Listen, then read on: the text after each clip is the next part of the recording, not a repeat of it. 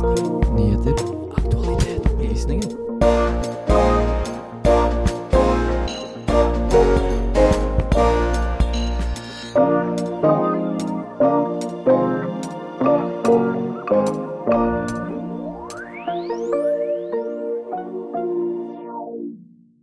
Blir, mediene blir ofte kalt den fjerde statsmakt, men hva slags makt snakker vi om da? Medieviter Sigurd Allan gir oss et intervju. For ca. to måneder siden brøt ut krig i Europa.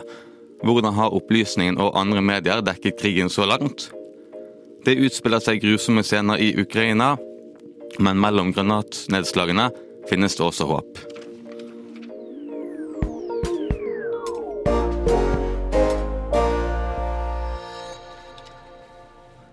Hei og velkommen til opplysningen på Radio Nova, hvor vi også skal ta den alvorlige praten om Eurovision. Jeg heter Daniel Johansen og skal lose gjennom den neste timen, bestående av saker om samfunn og aktualitet. Med meg i studio denne nydelige fredagsformiddagen har jeg Amalie Sundby Hei, hei. og Trym Karlsen. Hei, hei. Har dere lest noen interessante ting denne uken her? Eh, ja. Eh, jeg leste jo eh, i dag faktisk om at eh, Stavanger kommune og Oljemuseet har lyst til å gjøre noen av oljeplattformene om til Eller få, få de på Unesco sin verdensarvliste. Eh, de som er sterkest imot det her, er jo da um, Frp, som er redd for hvem som skal betale for vedlikehold av plattformene. Spennende. Trym, hva har opptatt deg denne uken? Nei, det er jo bachelor, så jeg har vel lest veldig mye til bacheloren i hovedsak. Men i, i dag og i går så var det veldig mye av Ola Borten Moe igjen. For han er ut, ute igjen med å kutte støtte til Forskningsrådet. Så det har jeg lest en del om. Det høres bra ut. Vi skal videre og høre en eh, låt. Ultraflex med Baby. Du, Sander? Ja, Hvorfor har du blitt så smart i det siste? jeg vet ikke, jeg spiste epler og havregrøt. Og så har jeg hørt på opplysningen, da.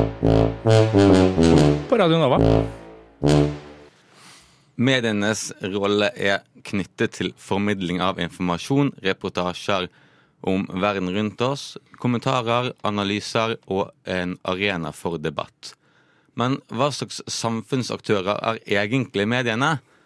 Opplysningen tok en prat med medieviter og professor i journalistikk Sigurd Alland for å se om vi kan bli bitte litt bedre opplyst. Det er jo veldig mange som kaller media for den fjerde statsmakten. Er det riktig å gi medier da den definisjonen, og eventuelt hva ligger i begrepet å være den fjerde statsmakten? Ja, altså opprinnelsen, historiske opprinnelsen til, eh, til liksom det som i dag ble kalt den fjerde statsmakt, det var jo det engelske betegnelsen på, på den tidlige pressen, eh, tidlig på 1800-tallet, nemlig at den var the fourth estate. Eh, Men det betyr jo eh, ikke statsmakt, men riksstand. Eh, Det var jo på et tidspunkt hvor, hvor stendene i det britiske parlamentet var liksom eh, de geistlige. Det var adelen, og så var det the commons. Eh, Det vil i praksis si menn med en viss eiendom på den tiden. Og eh, i den forstand så, så ble mediene tolket som en slags fjerde stand.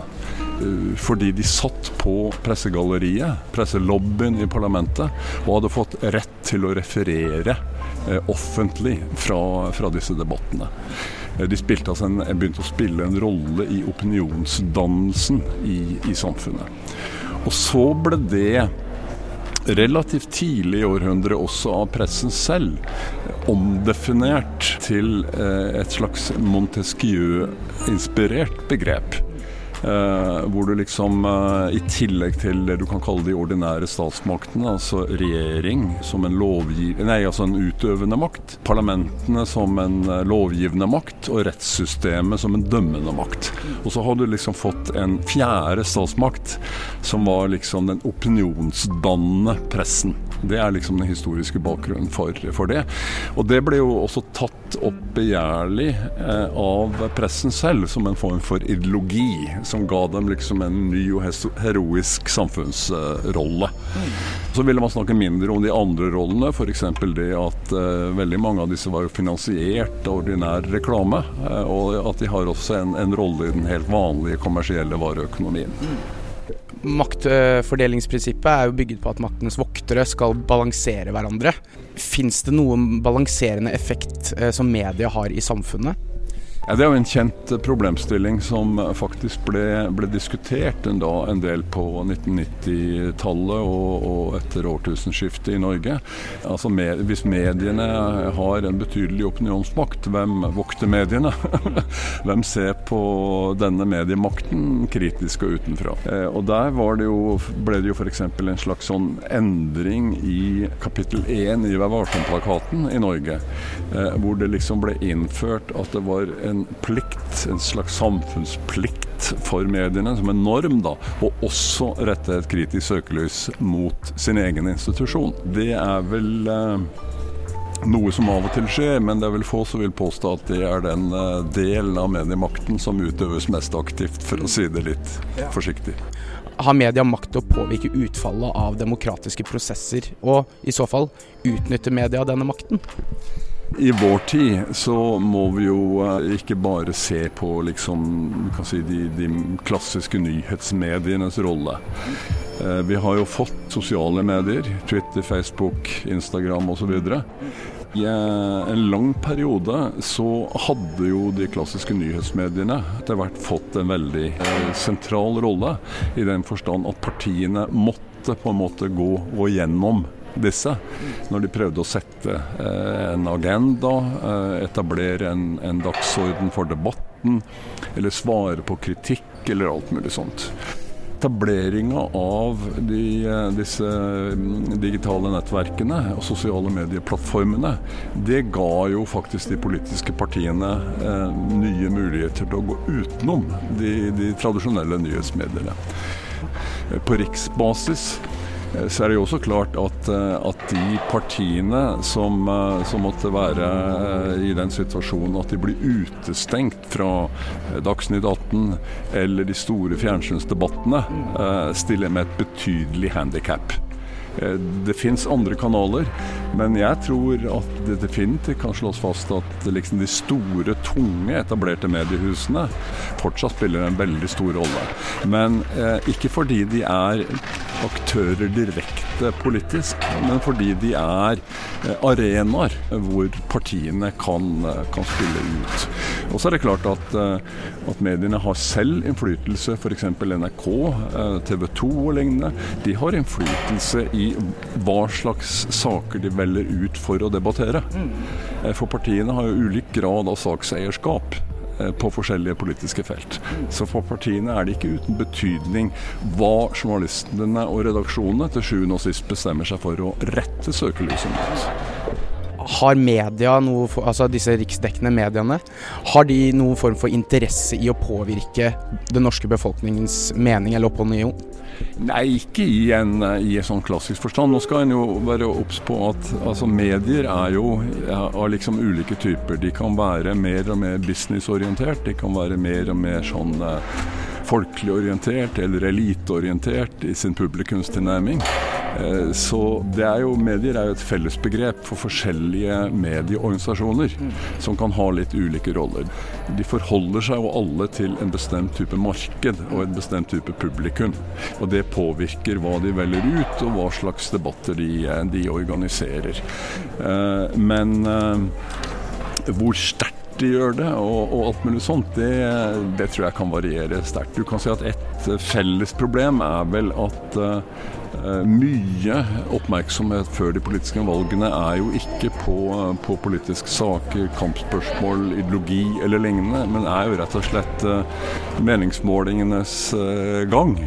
Eh, situasjonen mellom de to blokkene. Jeg sier ikke at det er uinteressant, tvert imot. Det kan jo avgjøre regjeringsspørsmålet. Men en sånn voldsom fokusering liksom på eh, åtte til tolv meningsmål i hver måned, eh, til og med tre år før det skal være f.eks. stortingsvalg, det er, tenderer til å bli politisk avsporing. Vi har nå hørt Sigurd Alland snakke om medienes makt og om ulike inngangsvinkler til forskjellige medier. Um, Amalie, hvilke medier leser du? Eh, jeg leser stort sett eh, NRK, faktisk. Det kommer jo litt av latskap. At ofte så sitter jeg på jobb, og så har jeg noen minutter å slå i hjel, så går jeg bare inn på nrk.no. Eh, Trym, hva med deg? Det er vel NRK som er den eh, dag-til-dag-informasjonen når jeg trenger bare å få nyheter. Og hvis jeg vil gå litt mer i dybden, så er jeg veldig glad i The Guardian. Og så leser jeg hver uke Morgenbladet hver fredag, og det er vel de på en måte tre Ja, papiravisa, Mor Morgenbladet. Jeg er, en, jeg er den fyren. Kaffe på fredagen og Morgenbladet, det er, sånn skal det være. Men eh, Trym, leser du det liksom perm til perm? Eh, nei, jeg leser i hoved... Først leser jeg din artikkel som er interessant, og så har jeg det liggende litt rundt. Men jeg, jeg leser mye av prøver å lese så mye av det som mulig, men det er ting jeg ikke leser. Det her er egentlig veldig morsomt, for at jeg også leser mye NRK. Eh, herregud, så, snev, så snevre vi egentlig, da. Men eh, OK, eh, gå tilbake til Trym først nå, da. Når på dagen leser du nyhetene dine?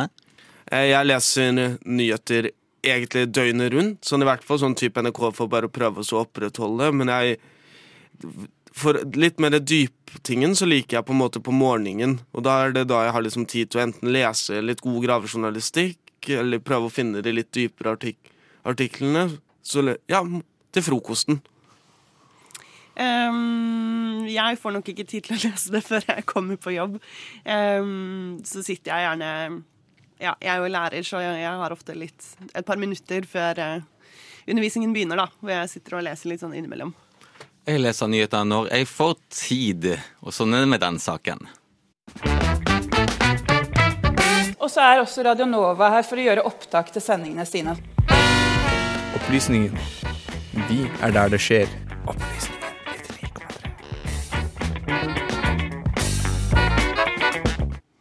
Vi er der det skjer, og for ca. to måneder siden brøt det ut krig i Europa.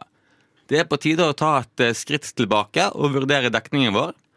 Til å hjelpe oss med den samtalen skal vi etter hvert få høre fra en av NRKs radioverter eh, om eh, deres dekning av eh, krigen i Ukraina. Ehm, men jeg vil spørre deg først, Amalie. Hva husker du fra den dagen vi satt eh, her og uh, plutselig fikk en, eh, en het sak på, på bordet vårt? Altså, jeg husker jo først og fremst at det var jo dagen før jeg skulle være programleder for første gang. Eh, så eh, Men vi kastet oss rundt og leste om det vi kunne, og fordelte arbeidet veldig godt. Eh, ja, jeg klarer på en måte ikke å se på det med helt andre øyne enn som liksom en del av en redaksjon, da. Eh, Trym, du er jo blant våre eh, mest erfarne radiomennesker her. Hva tanker gjorde du deg den dagen?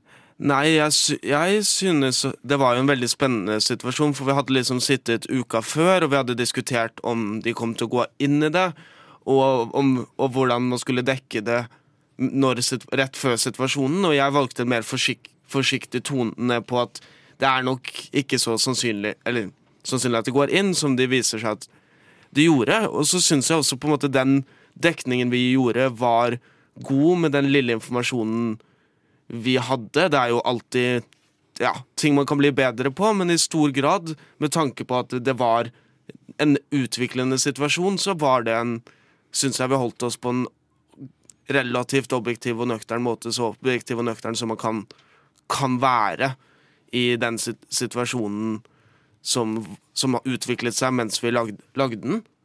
Mm -hmm. Du sier at eh, det er sikkert noe vi kunne gjort bedre. Har du tenkt på noen ting som vi faktisk kunne gjort bedre? Jeg vet ikke. Jeg har litt lyst til å høre det igjen, men jeg føler på en måte at jeg har litt lyst til å høre mer, mer av dette når vi får ting litt på avstand. For jeg syns mediedekning og den type kritikk er veldig spennende. Eh, Det er jo flere podkaster. Tut og Medieskjør gjorde dette med 22. juli. Hvor de gikk tilbake og så på mediedekningen av 22. juli. Og jeg tror at noe lignende må gjøres eh, når vi vet litt mer om ting. Men jeg tror det kommer når vi vet mer om hva situasjonen skjer, for nå er det fortsatt pågående. Vi skal eh, runde av den lille diskusjonen vår og, og høre saken som laget av undertegnede og Emma Nordstein.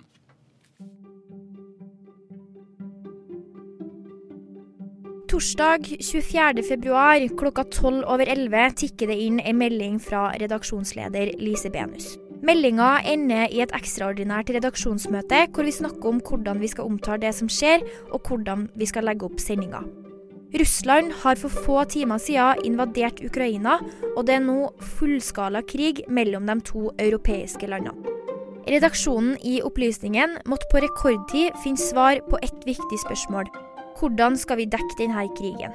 24 timer etter den innkomne meldinga hadde Opplysningen gjennomført si sending om invasjonen av Ukraina. Og ca. to og en halv måned senere har vi produsert en rekke reportasjer som omhandler konflikten. Men vi sitter fortsatt igjen med spørsmålet om hvordan vi best mulig kan dekke krigen mellom Russland og Ukraina. For å få noen svar på de her spørsmålene har Opplysningen snakka med en erfaren journalist i NRK. Espen Aas for tiden programleder i eh, debattprogrammet Dagsnytt 18. Helt i startfasen, når det bryter ut krig, hva skjer i et mediehus da? Det, skjer jo, det er jo mye dynamikk som, som skjer med en gang det blir en krig, også for så vidt forut for uh, en krig. Det er mye, mye informasjon som kommer fra, fra begge sider, som man ikke kan, kan stole på. Det som var fint eh, når det gjaldt akkurat Ukraina-krigen med tanke på informasjon, var jo at vi, vi var jo til stede inne i Ukraina med våre folk. både før invasjonen, eh, og etter hvert også har hatt mange folk inn etter. sånn at vi har jo hatt vår egen tilgang på kilder, vår egen tilgang på, på informasjon. Men det skjer jo mye i en, en, en redaksjon med en gang du bryter ut en krig, og når det er en krig i Europa eh, i tillegg. og da i en stor organisasjon som, som NRK så må man ha en, en strøm som handler om verifisering eh, av stoff. Hvordan skal vi ordlegge oss? Hva skal vi kalle russiske styrker? Hva skal vi kalle ukrainerne? Har vi oversettere? Eh, Alle disse tingene som er, er viktige for at vi skal gi best mulig eh, informasjon til, til publikum. Da. Eh, og sendinger som Dagsnytt 18 og Dagsrevyen, de store eh, flatene, fylles jo fort opp med, med både eksperter, men vi prøver jo også å ha gjester som, som representerer vanlige ukrainere, og, og, og til og med også eh, vanlige russere som, som da bor i Norge. Er det noen endringer i hvilke innhold man er ute etter de første dagene når krigen er helt ny, til etter noen uker hvor man har blitt vant til at det er krig? Ja, altså det som jo skjer, er jo at de første dagene er det enormt eh, informasjonsbehov, og man dekker det da veldig veldig bredt. Gir folk eh, ganske sånn god, god innsikt. Sånn som Dagsnytt 18, som er en time langt, eh, fulgte jo ofte hele sendingen da med, med Ukraina, med, med eksperter på konsekvenser, på folkerett. Eh, politikk, eh, norsk politikk eh, osv. Men når krigen går sin gang, så er det klart at folk mettes jo av alle typer stoff. Eh, og da må vi tenke litt sånn annerledes. Hvordan, hvordan kan vi holde utenriksstoffet, krigsstoffet, fortsatt interessant for folk? Da må vi liksom gjøre noen valg. Man kan ikke hele tiden sitte og snakke om hva er det som er sist nytt, hva er det som er sist nytt, men analysene må gå litt, litt andre veier. Og så må man tenke litt på en, en viss sånn utskifting av, av hvem vi bruker. Når du bruker forsvarseksperter, så har man så og så mange å velge i. Så har du andre eksperter på, på folkerett, generell utenrikspolitikk eh, osv. Og, og, og ellers da tilgang på norske politikere. For Hvilke dilemma står mediene overfor i krigens hete? Altså, Det er jo en, en gammel klisjé om at det første offer i enhver krig er jo sannheten. Eh, og det ser vi jo på veldig mye informasjon som kommer fra eh, Moskva. Eh, og vi måtte jo trekke ut vår egen korrespondent der på et tidspunkt, fordi det så ut som han kunne bli eh, straffet dersom han fortsatte å, å, å rapportere om det som faktisk skjer. Eh, fordi det russiske regimet har helt egne meninger om hva slags krig dette er. Eller det er jo ikke engang en krig. om hva, hva Nato-landene gjør der. Men vi har jo falt ned på at det viktigste vi kan gjøre, er jo faktisk å ha folk der som kan bevege seg rundt, som kan snakke med vanlige folk. Og for så vidt også ha et visst overblikk om hvordan Russland selv velger å presentere eh, denne krigen i, i mediene, som jo er veldig annerledes enn du vil finne i de fleste andre europeiske Hva tenker Espen Aas om NRK og norske mediers dekning de første dagene av krigen? Nei, som jeg har nevnt, De første dagene er jo helt vitale. Det er jo da vi eh, setter liksom tonen, tonen i dekningen. Eh, og Det er derfor vi velger å dekke det bredest mulig, eh, sånn at folk kan få ta stilling til eh, mange eh, problemstillinger. Og eh, vi er jo alltid opptatt av å drive propaganda, men vi skal heller ikke lage en sånn falsk balanse. Det er ikke sånn at Ukraina og Russland er to likeverdige parter. Vi vet jo hva som har skjedd. Eh, vi har jo sett hvordan de eh, bygget opp eh, styrkene sine på utsiden av landet, og så valgte å gå inn. Men Alt handler jo om å gi et så faktuelt og faktisk inntrykk av hva som skjer, eh, som eh, mulig. Men eh, det har jo vært mange store konflikter. Vi har jo, Det er ikke så lenge siden vi dekket krig i Syria, vi har hatt Afghanistan. Noen av oss er jo så gamle at vi også husker krigen på Balkan på 90-tallet, som jo også var en europeisk krig. Så vi har jo mye erfaring med krig. Det som er nytt med denne krigen, er at det er så mange mediehus også til stede inne. Det var det ikke i Syria, det var det ikke i Libya. Eh, men her er mange til stede, og sånn sett gir et mye bredere bilde. Eh, og vi kan eh, i hvert fall stole på våre egne folk som er der inne. Har NRK og norske medier dekka Russlands side av krigen på en rettferdig måte? Ja, Vi mener jo det. At vi, så er det spørsmålet hva er en rettferdig måte. Det er jo ikke noe fasit på hva som er en rettferdig måte. Russiske myndigheter vil jo være selvfølgelig helt uenig i hvordan de omtales. Uh, og, og, hvordan det snakkes om. Men de, uh, de, deres dekning er jo langt fra det som ligner noe av det faktuelle som, som våre folk uh, observerer der nede. og er jo knallhard propaganda. Pressedekning av krig er noe av det mest utfordrende for journalister og mediehus. Og det vil alltid være rom for forbedring i journalistisk arbeid. Vi i Opplysningen er glad for innspillene fra NRKs programleder Espen Aas, og jobber videre for å dekke krigen i Ukraina på en best mulig måte. Reporter i denne saken var Daniel Johansen og Emma Nordstein. Lyden i innslaget er hentet fra sessions.blue. Du får nå høre Der Vest med Speed of Light. Og det er altså så provoserende at folk tror at vi tuller, men vi gjør ikke det, altså. Dessverre. Opplysningen på Radio Nova. Aldri redd, alltid balansert. Vi skal snart få høre fra en journalist som har vært på oppdrag i krigsherjede Ukraina. Det er sterke skildringer, og det meste du kommer til å få høre, er bekmørkt. Det er likevel på tide at vi beskriver det fryktelige som skjer, gjennom kilder som har erfart krigen. Opplysningen har fått hjelp av en av TV 2s utenriksreportere til å beskrive krigshandlingene. Personlige historier og ikke minst eh, reportere som jobber i krigssituasjoner. Vi advarer mot sterke skildringer. Hvordan rapportere direkte fra en krigssone? Og hvilke type journalistisk innhold er det interessant å formidle hjem til norske seere, lyttere og lesere? Det er ingen i Radionova som har vært i en krigssone, og dermed ingen på dette radiohuset som kan bidra til å svare på de spørsmålene. Opplysningene har derimot fått hjelp utenfra av en kollega fra et av Norges mest etablerte mediehus. Jeg er Hilde Gran, utenriksreporter i TV 2. Hilde Gran var i Ukraina i omtrent to uker for å rapportere fra krigen i Ukraina. Vi reiste først inn til eh, Lviv, byen som ligger helt vest i Ukraina. Derfra så kjørte vi til Kiev, hovedstaden. Eh, vi var i eh, byene, altså forstedene rundt Kiev, Butsja, som jo er et sted som har blitt synonymt med lik i gater og massegraver, henrettelser og krigsforbrytelser. Um, vi var også i eh, Tsjernihiv, som ligger nord i Ukraina, rundt eh, sju-åtte mil fra den hvite russiske grensa. En by som delvis i, altså i to uker var under beleiring av eh, de russiske styrkene. Hvilke inntrykk sitter man igjen med etter slike opplevelser? Det gjør selvfølgelig inntrykk å se de enorme ødeleggelsene. Eh, og se lik i gatene, se massegraver. Eh, men det er nå allikevel slik at det er eh, de overlevende er de som man sitter igjen med. De som har det de har sett og opplevd, som de må leve videre med. Sorgen som de er nødt til å bære med seg. Og bare det store omfanget. Altså f.eks. i Bucha. Vi stopper jo helt tilfeldige mennesker på gatene og snakker med dem. og alle har enten sett noen som har blitt henrettet, savner noen. Um, så det gjør selvfølgelig sterkt inntrykk.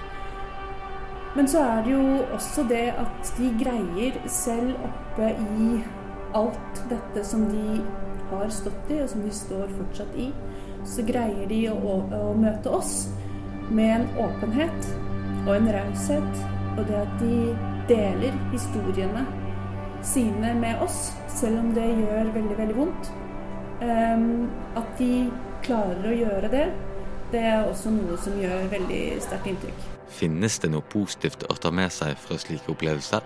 Ja, altså det, I det store og hele så er det jo bekmørkt, dette her. Eh, det er et eh, land som har gått til angrepskrig på sitt naboland. Eh, den russiske hæren er beryktet for sin brutalitet.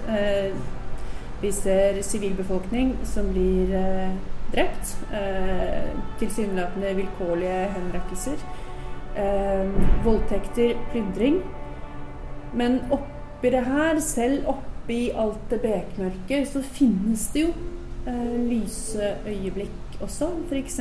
så vi hadde stoppet og snakket med en eh, dame som satt utenfor leiligheten sin i Butsja og lagde mat. Eh, de hadde jo ikke hatt strøm på en måned. Ehm, nå hadde de fått noen poteter og noe hermetisert svinekjøtt som de drev og lagde over et bål. Og vi driver og snakker med henne, og så plutselig midt i intervjuet så kommer foreldrene hennes. Og hun har ikke sett dem, og hun har ikke hørt fra dem på 40 dager. Og vi blir stående og se på denne familien som gjenforenes, som står og klemmer hverandre. Og det er jo sånne øyeblikk, sånne fine øyeblikk. Og du ser at folk bryr seg om hverandre. Det får du jo også se. Eh, at folk viser omtanke og strekker seg langt for å hjelpe medmennesker. Eh, det ser man også. Og det er nesten sånn i en så bekmørk situasjon så klamrer man seg til de lyspunktene som man får at ja, du ser noe av det mørkeste som vi mennesker er i stand til å gjøre mot hverandre. Men du ser også noe av det fine som vi klarer å, å gjøre. At vi fortsatt bryr oss om hverandre oppi det hele. Hvordan jobber man som utsendte reportere i en krigssone? Det er veldig eh, opp til oss og der vi får tilgang. Eh, du våkner på en måte ja, man, Vi diskuterer, vi er et team. Eh, vi er et team bestående av en eh, reporter, en fotograf, en eh, såkalt fikser, en eh, lokal journalist som hjelper oss med det meste. Og i vårt tilfelle også en sikkerhetsansvarlig. Så vi diskuterer i teamet på kvelden ok, hva kan vi tenke oss å få til uh, i morgen. Uh, og så forsøker vi å få til det. Um, ofte, så, ofte, så, handler det om å få tilgang til steder. Uh, rett og slett fordi at det kan være vanskelig i, i en krigssituasjon. Men men det, det, viktigste det er jo å dokumentere og vise sivilbefolkningens uh, lidelser. Hvordan de blir rammet i en krig, og det ulike spekteret på hvordan den rammer. Alt fra sant, de som er på en måte nederst ved bordet, som ikke, kanskje ikke har mulighet til å flykte, eller bare helt vanlige folk, eldre, barn. Hvordan det påvirker. Eh, og bare det her og At det her er bare et europeisk land. Vanlige europeiske byer der folk levde sine helt vanlige liv for ikke så veldig lenge siden. Og nå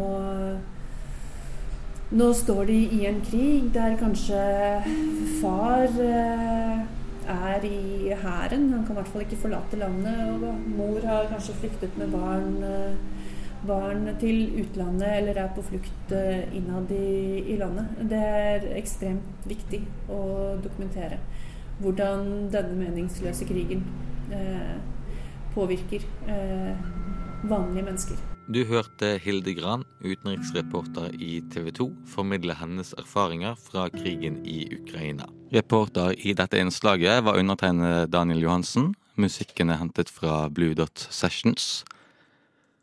Først en musikkpause nå for å roe litt ned. Deretter skal vi høre om Melodi Grand Prix, men altså først låten eh, 'Handle It' av Ann Weberg og Isabel Aberdeen.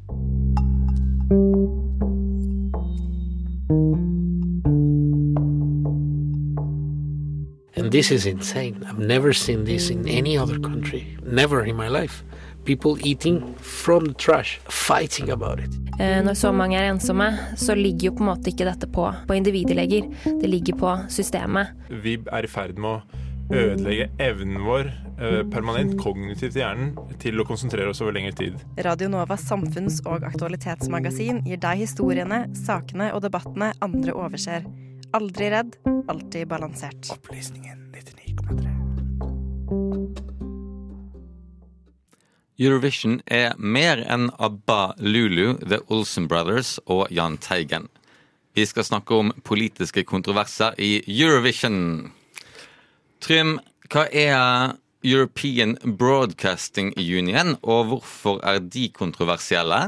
Eurovision Broadcasting Union er jo de som på en måte har arrangert Eurovision.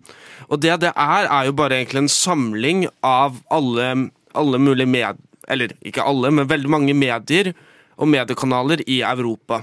Og det er som regel landskringkasterne, altså det vi i Norge har NRK. I Danmark så har vi den danske rikskringkastingen, og de fleste land i Europa har noe lignende har noe lignende, og de er samlet under. Og det er både radio og det er TV. Eh, kontrovers, og det er ikke så kontroversielt i seg selv, for det er jo egentlig bare en sam, samling av kanaler. Men det er jo alltid en kontrovers med hvilke kanaler som skal få lov å være en del av det. Dette er jo den samme på en måte kontroversen vi har hatt rundt hvem som skal få lov å være med i Eurovision. Og det har kommet under kritikk at bl.a. Russland og russisk medie, som har vært sterkt statlig kontrollert, med en, en også kontroll på hva de skal si politisk. Eh, og det har også kommet kontrovers med Hviterussland, som nå er ute eh, pga. beskyldninger om propaganda og beskyldninger om, om den type ting. Eh, så det er ofte ikke kontrovers rundt de, men ofte kontrovers rundt kanalene, og en diskusjon om hvilke kanaler som skal være med, på samme måte som en diskusjon, pågående diskusjon om hvem som skal være med i Eurovision. da. Ja, ikke sant. Det er jo noe, det stikkordet du sier der om, om hva som er lov å si, eller hva som er lov å synge. Og Amalie, du har satt deg litt inn i noen case-eksempler som handler om dette med hva som er lov å synge, da. Eh, ja. Um, Hvis jeg sier eh, Georgia 2009, uh, ringer noen bjeller der, eller? ja, altså, de hadde jo da en låt som het We Don't Wanna Put In. Eh, det ble jo da tolket som at de mente We Don't Wanna Putin. så de fikk jo litt sånn dask på lanken der. Uh, og uh, de fikk beskjed om å endre teksten, rett og slett. Uh, men det nektet de. Så Georgia trakk seg da fra kon konkurransen. vi kan jo også, de fleste av oss, huske en kontrovers med Ukraina. sist det var krig der, holdt jeg på å si. Krim-invasjonen i 2014. Ja, ja for det er jo noen år tilbake. Ja. Da hadde jo uh, Ukraina en sang som het 1944, som jo egentlig handlet om um, uh, hendelser fra 1944, ikke sant, som var uh, deportasjon av tartarer fra Krimhalvøya. men det ble jo da tolket som at det var en kommentar til eh, hendelsene som foregikk i samtiden. Ja. Eh, Trym, det er, altså, vi, vi snakker jo om en sangkonkurranse som egentlig bare skal være gøy, men så Er det masse synging om, om krig og konflikt inni her? Hva, hva tenker du om det? Det er jo veldig van vanskelig å si, fordi at på den ene siden så skal man ikke ha eksplisitt politikk, og ingen av på en måte sangene har det. De, ref de kan lese om at man at de spiller på det, og så, det, så går grensa der at når man har en sangkonkurranse, så vil man jo også synge om ting som er nært en. Og ting som ofte er nært en, er jo politikk og er Politikk og kjærlighet er jo to av de tingene som ofte synges om, og ofte synges om sammen. Så det gjør det jo litt vanskelig. Og så er det jo et spørsmål som har dukket opp, og spesielt dukket opp i min hjerne, om at egentlig hele Eurovision-konseptet er jo litt politisk som, som en idé. For da Eurovision ble grunnlagt, så var jo planen om at nå skal vi samle Europa sammen. Vi skal få et event, litt sånn som på samme måte som olympiske leker i verden, der vi samler de beste sangerne for fred og for, bli en, for å bli et helt Europa hvor vi kan heie på hverandre. Og den ideen er jo politisk. Det er jo en idé om å samle et Stor-Europa, det er en idé om å samle fred. Og det er jo til en viss grad politikk, så det er jo for grunnleggende politikk. Men når det skal være en konkurranse for å heie og fremme det beste euro europeisk, så kan jo det å bli for politisk også gjøre at man mister samholdet, som er det som så utrolig mange liker ved Eurovision. Dette, denne ideen om en europeisk fellesskap, at vi kan heie på hverandre, at vi kan ha crazy kostymer. Den ideen om et fredelig alternativ til det krig, da. Som var. Ja. Ideen om, om et fredelig Europa og, og, og fellesskap og, og alle de positive hva skal vi si, moralske ideene der. Eh, Amalie, stiller deg litt eh, kriti, Ikke kritisk spørsmål, men litt sånn eh, Ja, rett og slett hvilke, altså, hvilke land er det som er, er med i Eurovision? Hvem bør være med, og hvem bør ikke være med? Eh, jeg tror ikke jeg har tid til å liste opp eh, alle landene som er med, eh, og det har jeg heller ikke oversikt over, for å være helt ærlig. Men jeg tror jeg skjønner hvor du vil med det her. Jeg har jo tidligere uttalt meg kritisk til at Australia er med. Eh, Men det er jo ikke av politiske grunner. Det er bare fordi jeg er eh, en liten pedant som mener at eh, Australia ikke er en del av Europa. Men det, har, men det er en partnerkanal i Eurovision Broadcast Union som har gjort hvorfor de har fått lov til å være med. Riktig, ja. Men vi trenger ikke dra så langt ut i periferien for å snakke om hvilke land som burde være med eller ikke. For vi har jo Armenia og Aserbajdsjan. Var en liten konflikt der, Amalie? Ja, eh, faktisk. Eh, altså, de har jo en løpende konflikt som har vart i mange, mange år. Men eh, hvis vi snakker spesifikt om eh, eh, EEC-sammenheng, da, så var det jo i 2012, da Aserbajdsjan skulle være vertsland for konkurransen, så hadde jo da presidenten eh, Ilham Aliyev gått ut og sagt eh, eh, februar samme år at eh, eh, hovedfienden deres er armenere over hele verden. Eh, og det likte jo ikke armenerne så veldig godt, så de trakk seg da fra konkurransen. Og det viser jo at selv om det skal være samhold, så er det jo mye splittelse, og konfliktene kommer jo til overflaten, selv om man prøver å- å holde det politisk fritt. Mm. Det er jo litt sånn eh, Det har jo vært diskutert, da, eh, hvis eh, Eurovision skal være en eh, upolitisk arena, og nå har jo Russland blitt kastet ut. em, på grunn av Mm. deres eh, handlinger dette året. Em, det er jo politisk. Du, det, så du, eh, det, er jo Du har Russland, og så har du Ukraina, eh, som er en pågående konflikt. Eh, og på grunn av, kanskje av den konflikten, så har jo Ukraina blitt en storfavoritt til å vinne Melodi Grand Prix dette året her. Er det noen av dere som har hørt bidraget deres? Ja, årets bidrag fra Ukraina er det vi kaller etnonasjonal rap. Eh, som betyr at det er, det er en klassisk Eurovision-greie. At du tar moderne sjanger, eh, som i dette tilfellet er den moderne sjangeren rap, og blander den med nasjonale folketoner. eh, så, så den har liksom fløyte og nasjonale folkemelodier, og dette så vi jo i fjor. eh, Med, nå har jeg helt glemt navnet på bidraget deres i fjor, men den derre tekno-låten som også hadde veldig mye folkemelodier, og Norge gjorde jo det samme da vi hadde Keiino, ikke sant, moderne pop møter joik med litt elektro. Så, så det er eh, årets bidrag er ukrainsk rap med folketoner og fløyte. Det høres veldig bra ut. Vi tar og runder av eh, eh, denne saken om Melodi Grand Prix. Nei, men Bertil, da? Ja? Har du glemt å høre den siste episoden av Opplysningen på Radio Nova? Har nok det. Men da kan du jo bare høre det som podkast når du vil. Å, det skal jeg jammen meg gjøre. Eh, Medvirkende i denne sendingen var eh, Daniel Johansen, Alexander Ramm, Amalie Sundby og Emma Nordstein. Tekniker, eh, det var Sander Zakaria. Mitt navn det er Daniel Johansen, og du får nå høre Low Budget Teenage Love Movie av eh, 96 Saus, som passer godt til å eh, gå over til studentnyhetene.